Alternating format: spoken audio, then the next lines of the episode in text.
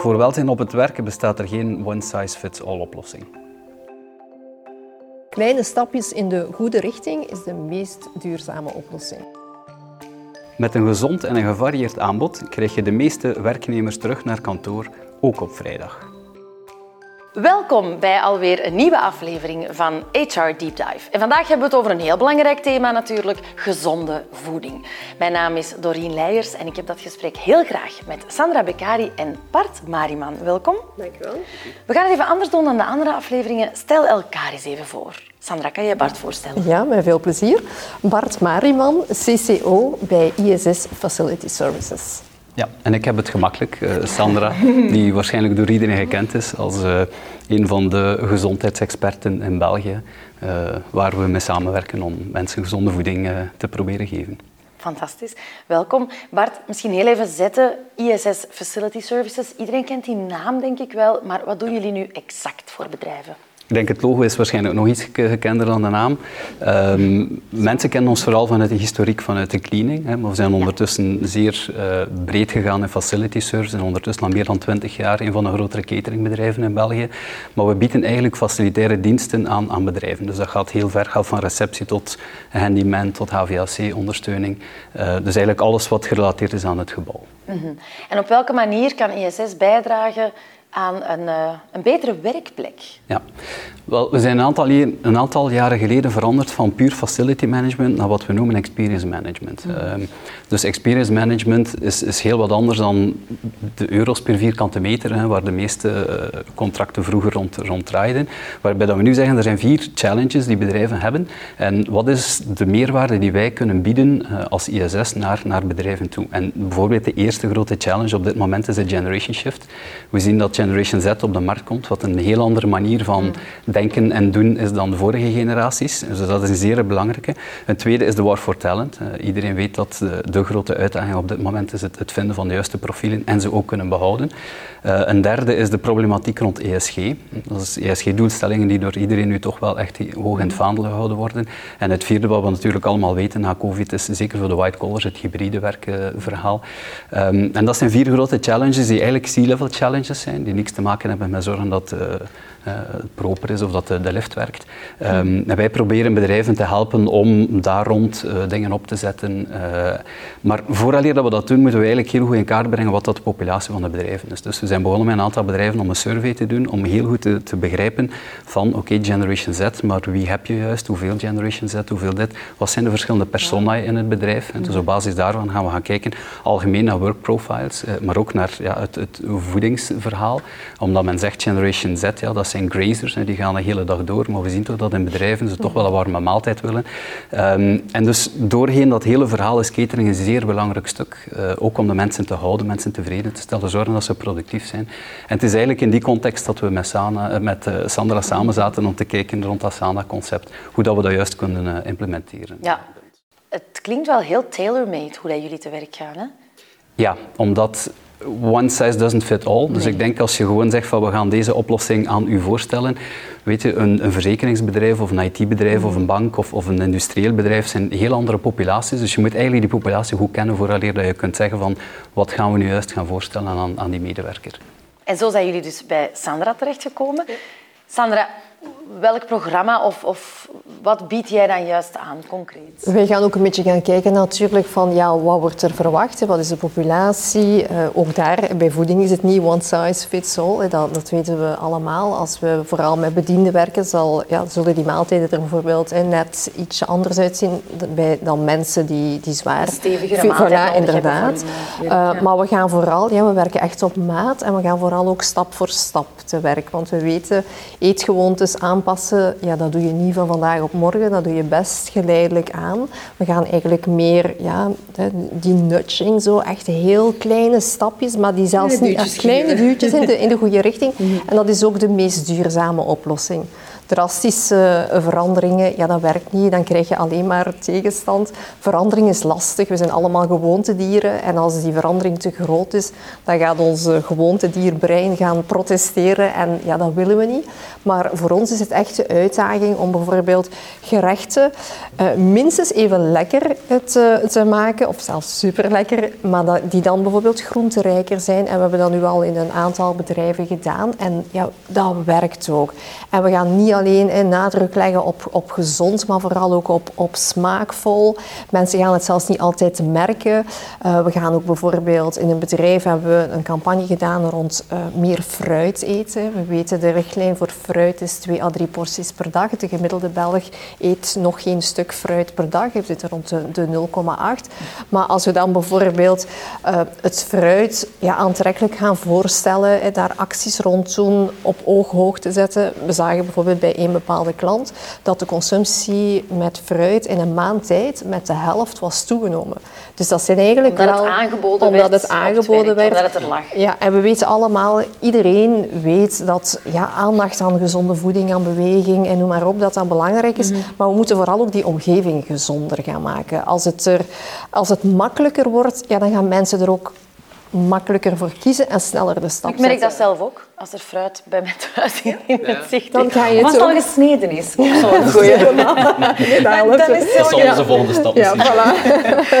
maar dat zijn kleine stappen, maar die, die effectief wel ja, die, die, die haalbaar zijn en die, ja, die, die zeker... Maar hoe, stel- hoe erg is het dan gesteld met de Vlaming en zijn eetgewoontes?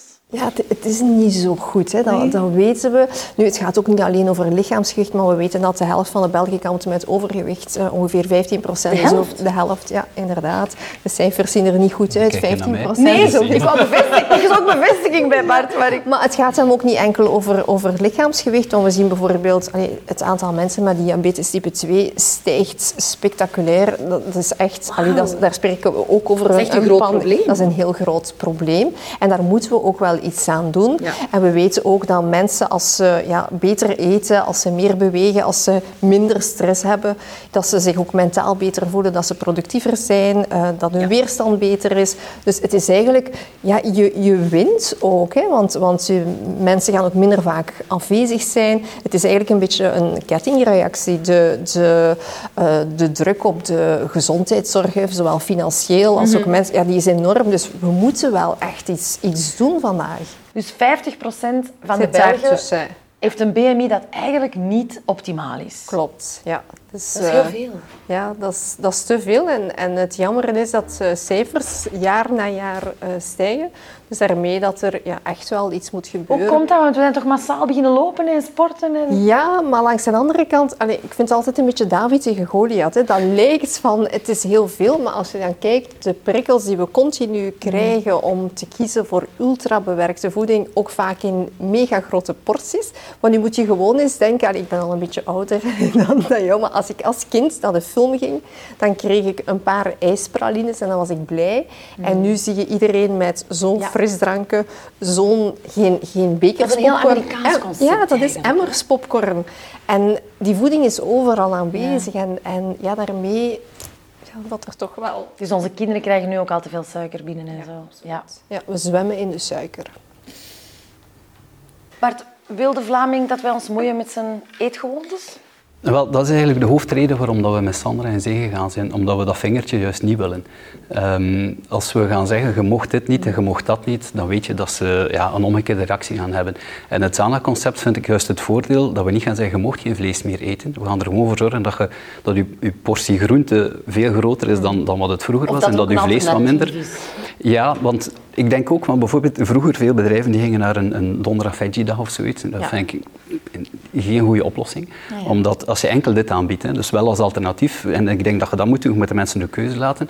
Maar als je enkel een donderdag veggie dag doet, dan ga je eigenlijk iedereen frustreren. Want die, die vegetariër, die wil de rest van de week... Die wil de rest van de week eten, want het is veggie ja, dag. ja, wel. Dus de mensen die geen veggie zijn, zeggen wat moet ik nu eten vandaag? En degenen die veggie zijn, die zeggen wat moet ik nu de rest van de week eten? Ah dus je moet eigenlijk een, een alternatief aanbieden. En, en daar is ook die, die generatiekloof toch wel heel belangrijk, denk ik. Want men zegt, ja, generatie Z bijvoorbeeld, heel veel vegetariërs. Hè. Mhm. Maar als ik dat zie, mijn dochter de dag dat ze thuis kwam en zei van papa, ik ben vegetariër, dan zat mijn zoon, die dezelfde generatie is, met zijn hand in haar bord voor dat stuk vlees op zijn bord te leggen. Dus als wij gaan zeggen van het is alleen maar vegetarisch, want Generation Z is daar, denk ik dat je ook bij de Generation Z, maar ook Generation X, hè, onze generatie, die is gewoon van alle dagen, zeker in bedrijven, een warme maaltijd te hebben, iedere dag een andere warme maaltijd. En daar moet je, moet je goed mee, mee omgaan en, en, en, kijken hoe kan ik het aanbod gaan, volledig gaan, uh, gaan doen. En bijvoorbeeld ook wat je nu ziet bij Generation Z, die willen een aanbod, die willen een keuze, maar die willen wel die warme maaltijd. Dus in het begin dachten we van, ja, die zijn gewoon om te grazen en die gaan alle dagen drie, vier keer iets gaan pakken. Maar wat je nu ziet, veel van hen zijn, zijn eigenlijk single, die moeten anders s'avonds warm koken, dus ze willen een warme maaltijd overdag. En vandaar dat het belangrijk is om goed te zien van wie is juist mijn populatie en, en hoe moet ik mij daar gaan op aanpassen vanuit, uh, vanuit het aanbod ook. Hè. We hebben ook sinds denk ik toch wel een enorme switch meegemaakt naar het, het homeworking. Ik denk dat we er niet uit zijn wat nu het beste systeem is. Maar ik denk wel dat die mensen die dan naar kantoor komen, die willen de full Monty. Ja. En die willen sociale contacten en hoe, hoe, hoe is dat nu anders dan pakweg vijf jaar geleden? Ja, ik denk dat, allee, ja, dat Bart zat, hè, daar meer in, in thuis zit. Dat ook meer... wat, je, wat je heel goed ziet is tijdens COVID zijn een aantal bedrijven zeer extreem gegaan in het homeworking verhaal. Er zijn er ook akkoorden gesloten met vakbonden, waardoor het nu niet evident is om terug te gaan. Mhm. Maar de meeste bedrijven waar ik nu mee praat, die zeggen van eigenlijk zijn we te ver gegaan. Eh, om, om die connect te houden. Uh, een van de zaken die ik altijd gezegd heb, dat iemand die, die pas afgestudeerd is, uw carrière wordt niet in de living gemaakt. Hè. Nee, nee, uw carrière wordt in het bedrijf gemaakt. Wie zijn, wie zijn de interessante mensen? Wie zijn mijn collega's? Wat zijn de interessante projecten? Aan de koffiemachine, het is een cliché, maar het is wel zo. Aan de koffiemachine wordt er meer verteld dan in uw living. Ik had onlangs nog een, eh, een, iemand uit mijn team die zei, ja, maar ik wist daar niet van, van die meeting. Ik zeg, ja, we hebben ad hoc met een aantal mensen samengezeten om een probleem op te lossen. En mijn eerste prioriteit, als ik uit die meeting kom, is niet kijken van wie was er nu allemaal niet aanwezig vandaag, wie moet ik nou allemaal bellen voor te zeggen dat we die meeting gehad hebben. En je voelt dat wel dat er terug een, een, een momentum aan het, uh, aan het creëren is om, om de andere richting uit te gaan. Maar dat dan ook een beetje van de generaties af. Hè. En een Generation X die gaan misschien gemakkelijker zeggen, ja, mijn privéleven kan ik iets gemakkelijker gaan organiseren. Maar je voelt wel dat die connectie wel, wel aan het verminderen is. Dus er komt wel terug een... En daar heb je eigenlijk twee trends. Hè. Bedrijven die zeggen, ja, we hebben tijdens COVID heel weinig betaald voor de catering, we willen dat zo houden. Um, en dan een ander deel van de bedrijven die zeggen, ja, we moeten ze eigenlijk op die manier misschien naar kantoor brengen. Hè. Uh, we hadden op een bepaald moment een gesprek met een klant die zei van, Bart, ja, de, de vrijdag komt er bijna niemand, want dat is typisch, in een white-collar omgeving. Hè. Dus dinsdag, donderdag vol een bak. Maandag, woensdag al een stuk minder en de vrijdag dan niemand op de plateau. En uh, ja, we gaan geen warme maaltijden in meegevende vrijdag. Ik zeg, ja, als je zeker wil zijn dat er niemand meer komt ah, vrijdag, dan moet je dat doen natuurlijk. Hè, want, dan, uh, ja. want dan kom je, dan, dan, ga je de file trotseren, dan kom je op bureau, er zit dan niet veel volk en dan ga je smiddags naar de kantine en dan, of naar het restaurant dan, dan is er ook geen aanbod meer. Dus ik denk dat als bedrijf het heel belangrijk is om te zien van hoe wil ik mijn war for talent gaan, gaan winnen en wat moet ik dan gaan doen, wat zijn de investeringen die ik ga doen. En dat kan misschien veel lijken, maar als je een, een personeelsevenement doet, ja, dan is dat ongeveer vergelijkbaar met de prijs dat je kunt Voor een heel jaar je bedrijfsrestaurant uit te baten, terwijl dat een eenmalig evenement is. Terwijl als je die subsidie zou gebruiken om de kwaliteit van je voeding te verhogen en het aanbod te verbreden, en op dat moment ook zorgen dat het gezonder is, zodat mensen zich beter voelen, denk ik is voor mij een betere investering. En dat is een beetje het verhaal dat we proberen uh, overbrengen naar onze naar Ja, daar zeker van. Hm? Nee. Ja, ja, zeker van, absoluut. Ja. ja, het is ook een reden om naar het werk te komen. Als, als het gezellig is, uh, als je samen kan lunchen met je collega's en dan ook nog eens lekker en gezond eten en gaan naar huis en je voelt je fit, ja, dan, dan zou ik niet twijfelen. Ja, nee, dat is waar. Dat is een van de manieren om... om dat is, na COVID hebben we voor een aantal bedrijven ook service gedaan om te zien van hoe krijgen we de mensen terug naar kantoor. Want iedereen sukkelt een beetje met hetzelfde probleem. Mhm. Eh, en dat is er, ik zeg niet het enige, maar dat is zeker wel een as dat je kunt op... Uh, maar voor de werknemer is het inderdaad moeilijker om die carrière te maken. Maar voor de werkgever, ze hebben geen voeling met hun personeel. Wat doen ze? Waar zijn ze? Um, ook mensen die starten. Ik vraag me ja. in, in de covid-periode moest het zo, maar als je start in een bedrijf, dan, dan als jij thuis werkt, dan, dan raak je daar toch nooit helemaal in. En veel mensen die zeggen ja, productiviteit, maar ik denk dat ze geen onderscheid maken tussen efficiëntie en productiviteit. Mm. Efficiëntie is ik blijf de vrijdag thuis, wat velen doen, dan kan ik mijn mails opkuisen en dan heb ik een leeg hoofd in, in, het weekend. Mm. Dat is efficiëntie, dat is niet noodzakelijk productiviteit voor het bedrijf. Als ik 100 mails beantwoord, ben ik dan echt wel productief geweest? Mm. Of wat ik productief geweest, dat ik met een aantal mensen rond een bepaald dossier kunnen werken. En, en dat is de moeilijkheid om, om, om dat over te brengen. Uh, maar zoals gezegd, de meeste bedrijven begrijpen wel van maar zoals dat jij zegt, de juiste oplossing, denk ik, heeft nog geen enkel bedrijf gevonden. En het zal ook, ook daar weer voor ieder bedrijf wel een klein beetje anders zijn. Hè. Je geeft ook coaching coachings? Ja, uh, ja, we hebben bijvoorbeeld al een samenwerking waar wij fulltime een SANA-coach op de werkvloer hebben. Die, En die, die slots waren ook meteen uitverkocht. Dus dat toont ook wel aan dat... Men, allee, uitverkocht, volzet. Ja. Uh, dat mensen, wanneer ze die extra begeleiding, die, die coaching kunnen krijgen ja, dat ze daar heel enthousiast over zijn. Dus ook dat is... Uh, is hoe, ga, hoe, hoe kan je zorgen dat dat blijft? Het is zo'n beetje zoals de, we doen yoga op het werk. In de eerste sessie zit daar 50 man en de tweede nog, nog 20. En dan, hoe kan je dat level van ja, interesse is, houden? Het is wel belangrijk dat het leeft in het, in het bedrijf. Dat het niet enkel dat is. Die mhm. coaching is één, maar daarnaast merk je ook... Hè, we werken ook overal met, met affiches of pancardes. We geven informatie. Uh, we organiseren activiteiten. Er kan eens een workshop georganiseerd mhm. worden. En ik kan eens een lezing komen geven bijvoorbeeld. Het, is, het is het totale pakket dat je ook continu geprikkeld wordt om ja, te blijven kiezen. Um, om bij die coach te gaan of, of, om deel te nemen aan een aantal activiteiten. Wel, daar zijn jullie volgens mij enorm goed mee bezig en in de goede richting. Dus doe zeker zo voort. En mag ik jullie nog bedanken om hier te zijn met mij vandaag. En jullie ook natuurlijk bedankt om er te zijn. En tot de volgende keer. Heb je tips voor iemand die een, een zittend beroep heeft en die nu denkt, ja. ik, maar ik kan niet anders? Uh, ieder uur is recht staan, want, ja? want uh, langer dan een uur zitten is niet goed. Op deze stoel is dat nu bijvoorbeeld wat moeilijk, maar op een gewone stoel kun je gewoon al squatten. Hè. Dan kun je gewoon even gaan zitten, tien keer, en dan ga je weer verder doen. voilà. dus, dat maakt het nog leuk ook. Even de trap oplopen, ja. um, een waterke gaan halen die, als je langer dan een uur zit, dan komt je, je lichaam in een, echt in een rusttoestand eh, terecht. Je bloedcirculatie uh, werkt minder goed. Er gaat minder zuurstof en voedingsstoffen naar je hersenen. Dus je moet zo af en toe eens ja, je lichaam terug boosten. Dat is een goeie.